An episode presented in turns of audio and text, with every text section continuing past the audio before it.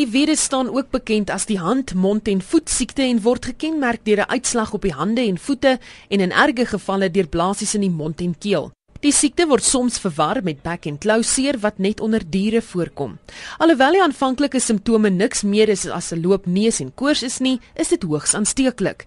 Die eienaar van die kleuterskool in Vryburg, Sonel Smit. Eers het die, die kleintjies gekom met loopneus, koors, sulke tipe dingetjies en toe hulle begin met 'n uitslag. Wat ons eers gedink het dalk iets soos baba masels, maar ook nie seker nie. En toe het ons die mamma gevra hulle moet asseblief die kleintjies begin dokter toe vat en die dokter het gesê dis Coxsackie virus, dit is vreeslik aansteeklik. Ja, daarom het ons nou besluit ons maak maar eers die skooltjie toe vir 'n rukkie want al die kinders steek heeltyd oor en weer aan. Ons kan dit nie keer nie, daar's nie 'n manier hoe dit te keer nie. Is hierdie die eerste keer wat jy so iets oorkom? Ja, ja, dis die eerste keer by ons. Kyk, want kinders is mos maar kinders. Hulle word siek en kry maar kindersiektes wat gewoonlik redelik ernstig is. So, jy weet, dis nou nie vir jou snaaks as 'n kind aankom met 'n loopneus nie. Ja, nee, nee, dis eintlik 'n algemene ding veral hier by ons ons het vreeslik stof en vreeslik droogte so hulle is vreeslik allergies so dis nie iets snaaks as jy loop neusie of vernies of hoes of iets voor nie. 'n etnomediese praktisyn van van 'n Bylpark in Gauteng de Wil van Sel sê hy het hierdie jaar aansienlik meer mense behandel wat Coxsackie onderlede het. Coxsackie veral is ietsie wat ons ek wil amper sê die laaste 3 jaar verskriklik baie begin sien. Ek weet 2007 was daar uh, in China was daar 'n uh, 'n groot koksakkie epidemie gewees waar daar so 22 kinders van dood is en meer as 800 wat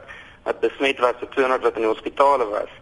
En um, dit lyk of dit 'n wêreldwye tendens is en ek het definitief hierdie jaar is nog jaar wat ek die meeste koksakkie gesien het in my my 6 jaar wat ek praktiseer. Hmm. Is dit meerendeels onder kinders, groot mense, almal? Koksakkie kom meerendeels onder kinders voor, gewoonlik 10 jaar en jonger. Jou meer ernstige gevalle kom gewoonlik in jou jonger kinders. Dit is 5 jaar en onder wat dit voorkom. Groot mense kry mense dit wel, maar dit is gewoonlik maar 'n ligte koorsreaksie wat hulle het vir 'n dag of 2 en partykeer 'n bietjie keelseer en so aan. Die Coxsackie virus hou geen sins verband met bek en klou seer nie.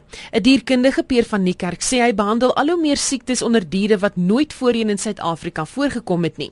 Hy plaas die skuld op die regering en swak grensbeheer. Daar's vreeslike snaakse siektes wat nou kop uitsteek hier in wat ek dink nie altyd mense oor wil praat nie want mense wil nie paniek saai wanneer jy oor hierdie tipe van siektes praat nie. Ek dink mense moet feitelik wees agter die kap van die byl kom dat die vreemde goeters is, dit is absoluut waar.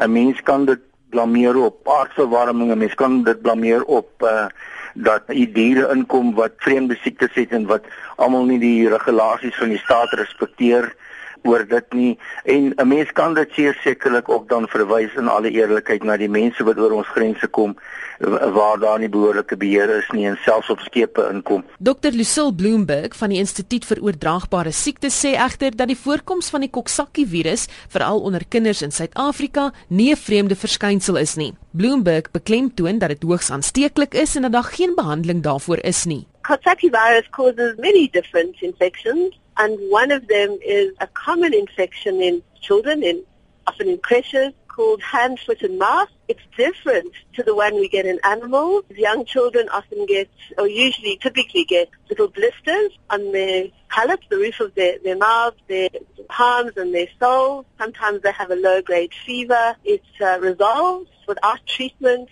they don't have complications, but commonly you get outbreaks in creches. Mm. It's really very common and really nothing to be concerned about. And generally the response to that is to keep children who have the infection at home until they're better, to use the opportunity to do some spring cleaning in the creche, and really nothing more than that.